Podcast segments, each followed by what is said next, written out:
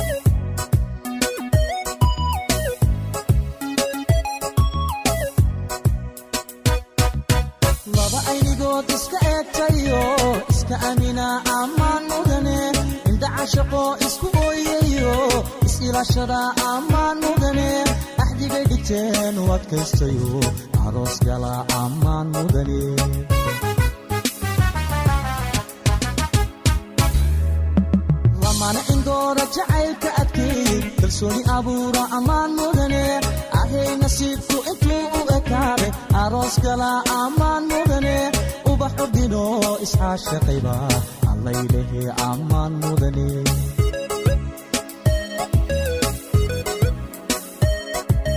laba aynigood iska eegtayo iska amina ammaan mudane indhacashaqo isku ooyayo is-ilaashada ammaan mudane axdigay dhigteen u adkaystayo aroos gala ammaan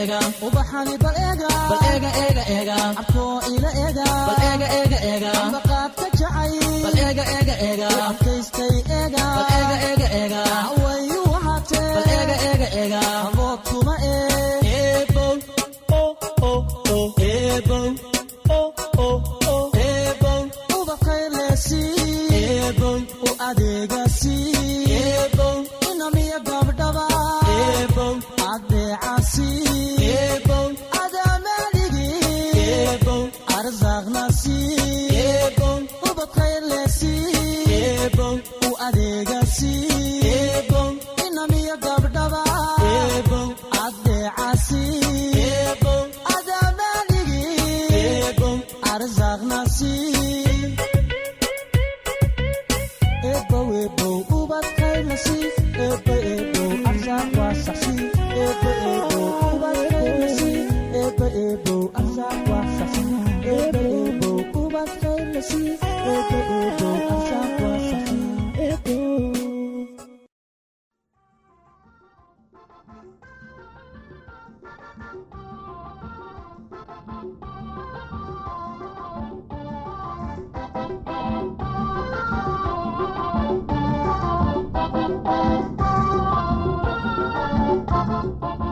dhegeystayaasheena qiimaha iyo qadarinta mudano waxaad ku soo dhowaataan barnaamijkeenii caafimaadka oon kaga hadlaynay la noolaanta dadka qaba cudurka aidiska mowduuciina maanta wuxuu ku saabsan yahay carruurta qabta h i v-ga ama aidiska carruurta qabta h i v-ga siday u badan yihiin infekshanka waxay ka qaadaan inta ay ku jiraan uurka hooyadood amase marka ay dhalanayaan dhalaanka h i v qaba siday u badan yihiin waxay isu bedelaan kuwo qaba aidis intaysan gaarin da-dooda laba sano.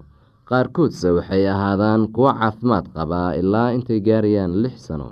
Caruurta h i v ama aidis qabta waxay u baahan yihiin kalgacayl iyo daryeelid cunto nafaqo leh jawi saxadiisu wanaagsan tahay. Waa in takhtar loo geeyaa marka ay xanuunsadaan carruurta halis ma aha haddii la xambaaro ama laysu duubo carruurta qabta h i v-ga ama idiska h i v kuma faafo carruurta kaadidooda caliyadooda saxaradooda ama matagooda. Cunug h i v qaba uma gudbin karo infekshanka haddii uu kuwa kale la cayaarayo ama uu la qeybsado waxyaabaha ay caruurtu ku cayaarto caanaha naaska hooyada waa cuntada ugu wanaagsan ee dhallaanka. Waxay ka ilaaliyaan dhallaanka shubanka iyo cuduro badan oo kale. Naasnuujintu waa muhiim. Haddii ay hooyadu ama dhallaanku ama labadooduba qabaan h i v haddii aysan hooyadu aada u xanuunsanayn talaalku aada ayuu muhiim u yahay. Haddii cunugaagu qabo h i v ama idis waa la talaali karaa waalid h i v ama idis qaba ayaa qabi karaa carruur saxadoodu wanaagsan tahay waayo waxay noqon karaan carruur dhalatay ka hor inta aysan hooyadu qaadin h i v ama waxay noqon karaan kuwo dhashay nasiib wanaag kadib markii h i v haleelay hooyadu. Caruurta saxadoodu wanaagsan tahay waxay u baahan yihiin kalgacayl fara badan mid amase labada waalid ah waa dhimanayaan shaki la'aan waxay noqonayaan agoon.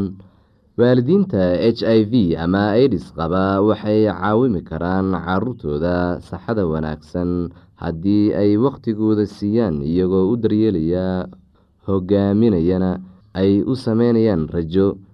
Haddii ay mustaqbalka u hogaamiyaan sidii qaraabadooda ay u daryeeli lahaayeen ama ay u hagaajiyaan mustaqbalka sidii loo bixin lahaa lacagta ujuurada dugsiga haddii ay suurtagal tahay. Waa inaa hantidaada u ilaalisaa caruurtaada iyo qoyskaaga ka hor intaadan dhiman.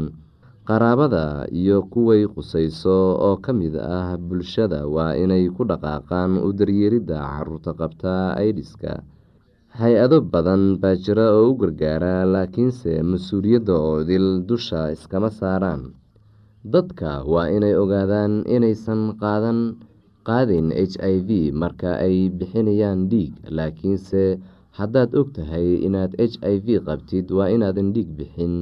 Maxaa wacay? Kadib markii la baaro ayaa la qubayaa. Laakiinse haddaad qabtid h i v ama idis oo aada u baahato dhiig waxaa ka heli kartaa dhiig la soo baaray oo laga soo miiray dad aan h i v qabin dadka qaba h i v ama idis qaarkood waxay aaminsan yihiin in daawo soomaaligu lagu daaweyn karo qaar ka mid ah xanuunyada idisku sababo. Tusaale ahaan dadka qaarkood waxay dhahaan daawada waxaa loo isticmaali karaa cuncunka. Daawo geedoodka qaarkood waa qaali waxaa kuu roon inaad lacagtaada ku iibsatid cunto nafaqo leh iyo waxyaabo munaafac leh. Xusuuso dhakhaatiir dhaqameed jeermiga kama nadiifiyaan sakiimada ay isticmaalayaan. Tan waxaa laga qaadi karaa h i v. H i v ama idis sababta keentaa ma aha sixir iyo waxyaabo la mid ah. Sidaa awgeed ma jiro sixirow daaweyn karaa u tegidda sixirowgu waxay ahaan kartaa qarash fara badan. Waxaa kaa khasaaraya oo keliya lacag fara badan adigoon ka helayn wax caawimaad ah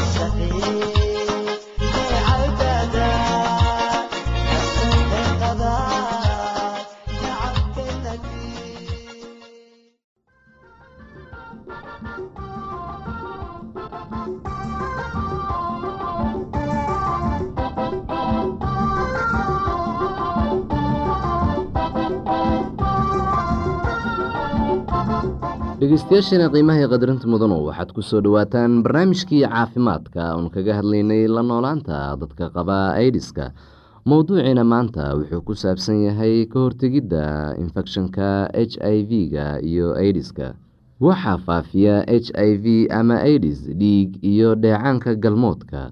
Haddaad qabtid h i v ama aidis ha ka welwelin inaad qoyskaaga u gudbiso fayraska inta ay socoto nolol maalmeedku laakiinse haddaad rabtid inaad naf ahaantaada iyo kuwa kaleba ilaaliso waa inaad yeelataa dhowr digtoonaan waa inaad iska ilaalisaa jeermiga adigoo saxada gurigaaga wanaajinaya.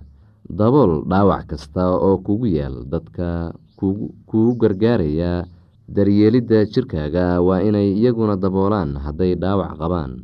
Ka fijignow haddii dhiig kaa socdo ama ay jiraan dhar dhiig ku yaal biyo karkarsan ku dhex rid dharka iyo wax kasta oo dhiiga gaaray. Jeermiga h i v-ga kuma noolaan karo biyo karkarsan iyo markii wax badan uu qoraxda ama meel qalalan u yaal.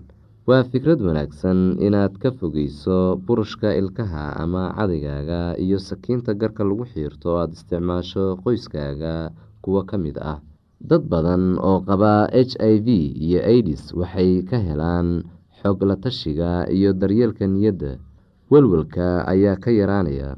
Dadka h i v ama aidis qaba waa inay iyagoo xoriyad dareemaya u tagaan culimada diinta ay aaminsan yihiin. Diimaha oo idil waxay leeyihiin ducooyin loogu duceeyo dadka xanuunsada.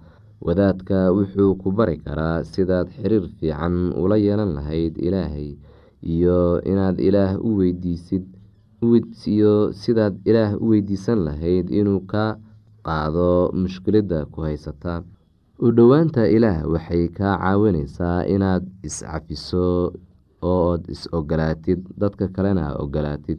Waxay kaloo kaa caawineysaa inaad runta ogaatid oo aad markaas ku noolaatid xaqiiqada.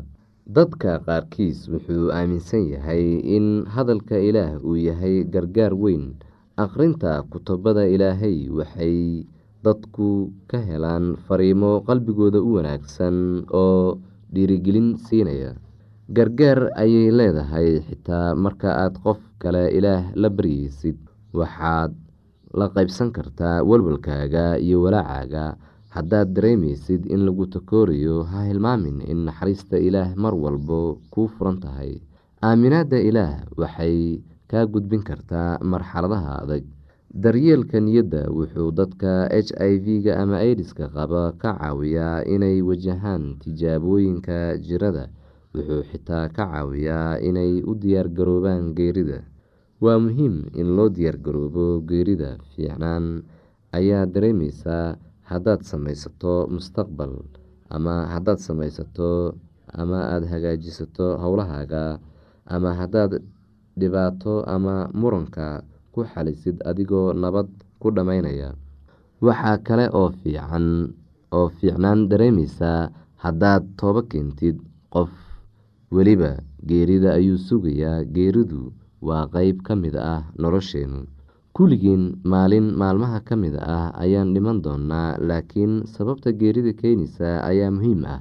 Waxaa aada u fiican in la geeriyoodo adigoo kula joogaan dad aada jeceshahay haddaad geerida ogolaato walwal la'aan geesinimadaadu waxay bedeli kartaa niyadda nolosha kuwa kaa dambeeya. Sida badan waxaa la ogsoon yahay walwalka aan ka qabno ayaa geerida naga baqdin geliya laakiin waa inaad aaminto ood rumayso ballanqaadyada ilaah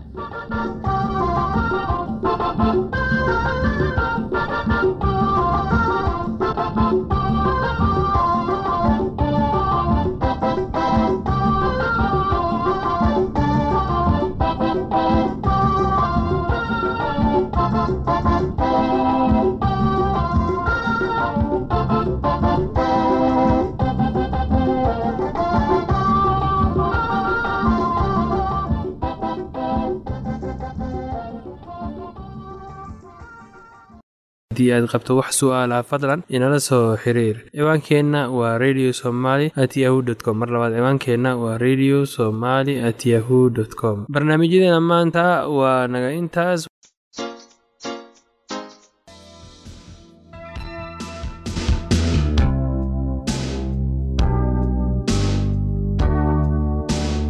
Wakhti intee la-eg ayaa la doonayaa in hasaawuhu socdo laba sanno ilaa saddex sanno iyo in ka badanba waa suurtagal. Inkastoo waayahan labada isguursanaysa ay ugu yaraan hal sanno si dhab ah u wada hasaawaan. Intaa aanay go'aansan inay isguursadaan. Haddii aad tahay qof caadi ah oo aad raadinaysid qof aad guursatid oo aad doonaysid inaad hesho qofkan qaaska ah oo aad rabtid inta noloshaada ka dhiman inaad la qaybsatid isaga hase yeeshee waxaa jira dad badan oo ku dheggan fikradda ah in qofka ay guursan doonaan uu adduunka uun meel ka joogo oo ilaah u qoray taasoo runtii ah mid uu shaki ku jiro. Waa maxay fikradda aad ka qabtid kuwa isguursanaya? Hal qof oo qura miyaa kugu diyaar ah adduunka mise waxaad leedahay awood aad doorasho kaga samaysid dadka aad maalin kasta la kulantid qofka leh dabeecadda wanaagsan oo deggan waxa uu guursan karaa cid nooc waliba ah isaga oo ku faraxsan. Qofka aan waxgaradka ahayn mardhaba ma faraxsanaanayo cid kasta oo uu guursadaba guurku kama yeelayo qofka aan qaangaarka ahayn ama waxgaradka ahayn inuu noqdo qaangaar ama waxgarad. Laakiin kuwa faraxsan oo qaangaarka ah waxa ay gaaraan guur guul leh. Inkastoo dadka aad la kulmaysid cadadkoodu uu aad u badan yahay tan macnaheedu ma ahan in aad guursan kartid qof kasta oo aad la kulantid. Waa in si xigmadii ku jirto aad u dooratid. Waa maxay dabeecadaha aad ka raadinaysid qofka aad rabtid inaad guursatid waxaa jira toban qodob oo kuu sheegi kara in qofka aad rabtid uu xamili karo ama leeyahay awoodda guurka. Qodobadiinna waa kuwan. Qofka aad rabtid waa inuu ku faraxsan yahay reerkooda. Yaraantiisii uu ahaa mid faraxsan oo aanay wax khilaaf ah u dhexaynin isaga iyo hooyadiis oo uu ka dhashay qoys aadaab leh oo aan qaylo badnayn. Yahay mid ku xidhan hooyadiis iyo aabbihiis waa inuu yahay mid aanay wax khilaaf ah u dhexaynin isaga iyo waalidkiis. Waxaa dhici karta in aad isleedahay sidee bay waxaanoo dhan u qusaynayaan guurka ama go'aanka aad ka gaaraysid qofka aad guursanaysid? Sababtu waxaa weeye xidhiirka aad la leedahay qoyskaaga marka aad yar tahay jacaylka iyo daryeelka ay ku tusiyeen waalidkaaga iyo habka iyo aadaabta lagugu soo barbaariyey ayaa nolosha qofka sal u ah marka aad guursanaysidna waa inaad waxyaalahan eegtid.